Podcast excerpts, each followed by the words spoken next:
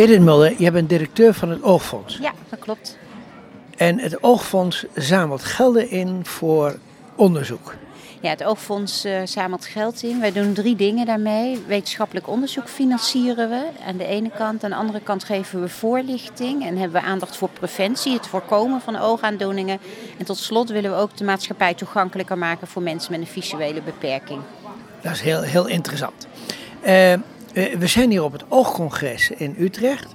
En is dat misschien ook een van de redenen waarom er zo'n oogcongres is? Om duidelijk te maken welke onderzoeken allemaal gedaan worden? Ja, nou, wij weten dat mensen heel erg geïnteresseerd zijn in de stand van zaken van het wetenschappelijk onderzoek. Uh, drie jaar geleden hebben we het eerste oogcongres gehad. Nou, telkens is de opkomst goed. En uh, mensen zeggen, ik heb veel meer honger naar wat is de stand van zaken in de wetenschap. En wij zien het als oogfonds samen met de patiëntenverenigingen. Want ik heb ook net aangegeven dat we dit niet alleen doen en ook niet alleen kunnen. Heel belangrijk dat we die uh, wetenschap, de stand van zaken, vertalen naar de mensen om wie het gaat. Dus de mensen met de oogproblemen. Eerst maar even, even over de ontwikkeling van het oogcongres zelf.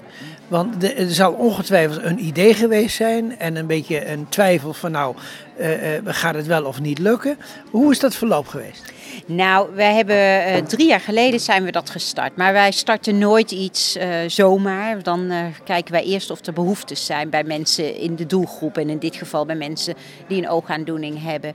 Er bleek heel veel vraag naar te zijn. Dus drie jaar geleden hebben we het eerste congres gehad. Is natuurlijk altijd spannend.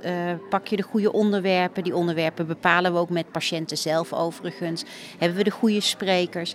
En we hebben nu eigenlijk al drie jaar op een rij dat we ruim 550 mensen in Utrecht ontmoeten, dat we uitverkocht zijn. Dat mensen gewoon zich willen laten informeren en daarvoor hun hele vrije zaterdag naar Utrecht komen. Het was een grote verrassing eh, drie jaar geleden, hè? Dat, dat het eerste congres, dat het zo succes was. Nou, weet je, ja, je hebt altijd hoop en vrees. En uh, ja. naar, naar zo'n evenement toe leef je een beetje daartussenin. En wij hoopten natuurlijk op dat, het, uh, dat er ook mensen echt zouden komen. Want heel veel mensen zeggen, dat lijkt me heel interessant en dat wil ik graag voorkomen. Maar komen ze dan daadwerkelijk ook als het puntje bij het paaltje komt? Dus dat is uh, heel essentieel. Uh, maar dat gebeurde. En vorig jaar weer en dit jaar weer. En we zien dat we telkens weer nieuwe onderwerpen aansnijden. En mensen toch ook weer informatie kunnen bieden die ze op een andere manier niet zo makkelijk kunnen vinden en kunnen verkrijgen. Heb je ook een idee uh, uh, wat voor groepen of wat voor mensen eigenlijk dit bezoeken? Zijn het vooral ouderen, jongeren of blinden, slechtzienden of uh, medewerkers? Nee, het zijn vooral, het is echt gemaakt voor patiënten met een oogaandoening. ja, sommige daarvan zijn slechtziend, andere zijn bijvoorbeeld in een beginstadium. Het zijn mensen die geïnteresseerd zijn in net wat meer dan alleen de voorlichting. Uh, het zijn mensen die echt willen weten wat voor een uh, toekomst zit er, uh, maar ook wat is er voor mij nu aan te doen, wat zijn de nieuwste wetenschappelijke inzichten. Die mensen komen. We zien ook wel dat vanuit bijvoorbeeld de optometrie of vanuit de oogheelkunde zelf mensen zeggen dit is eigenlijk ongelooflijk interessant. ik sprak net Pieter Roelfsema, hij is directeur van het Nederlands Herseninstituut en hij heeft ook een presentatie gehouden vanmorgen. En hij zei ik vond dit een geweldig programma. Want die andere presentaties, daar heb ik zoveel van geleerd. En in de pauze sprak ik twee optometristes in opleiding. En die zeiden, ja, hier moet volgend jaar mijn, onze halve opleiding naartoe. Maar dat is niet het primaire doel. Het primaire doel is informatie geven aan patiënten, oogpatiënten. En dan de informatie die zij willen hebben. Maar dat betekent eigenlijk dat het veel breder is geworden dan echt de bedoeling was? Nou, het betekent dat wij uh, informatie geven op een dusdanig niveau dat het ook voor andere doelgroepen heel interessant is. En um, dus veel breder is geworden. Uh, ik dacht bij het eerste congres al, dit is heel interessant. Maar het is leuk dat de doelgroepen ons nu ook weten te vinden. Nou, Oké, okay, ik kan het bevestigen. Dankjewel. Uh, uh, heb je ook een idee van de ontwikkeling eigenlijk van ook de onderwerpen die besproken worden? Is daar al een lijn in te zien? Uh, dat vind ik uh, heel lastig uh, om dat in mijn eentje te zien. Want omdat we ook, en ook als we volgend jaar weer een congres organiseren, zullen we altijd de onderwerpen ook weer in samenspraak met patiënten en patiëntenverenigingen opstellen. Dus ik zie dat er ook wel. Nou, wat ik wel zie is dat er ook aandacht is voor wetenschappelijk onderzoek naar in de randgebieden. Dus niet de harde oogheelkunde, maar ook wetenschappelijk onderzoek. Hoe ga je om met emoties? Uh, hoe ga je om met stemmingswisselingen waar mensen last van hebben? Maar ook hoe kan ik zelf die communicatie met de oogarts sturen? Dus dat heeft wel te maken met je oogaandoening, maar dat zijn een beetje de randgebieden, noem ik eromheen. Dus niet puur. Van, van, de andere kant is het wel zo natuurlijk dat degenen die hier komen, die komen voor, voor lezingen, voor nieuwe ontwikkelingen, die hun kind, waar hun kinderen misschien wat aan hebben.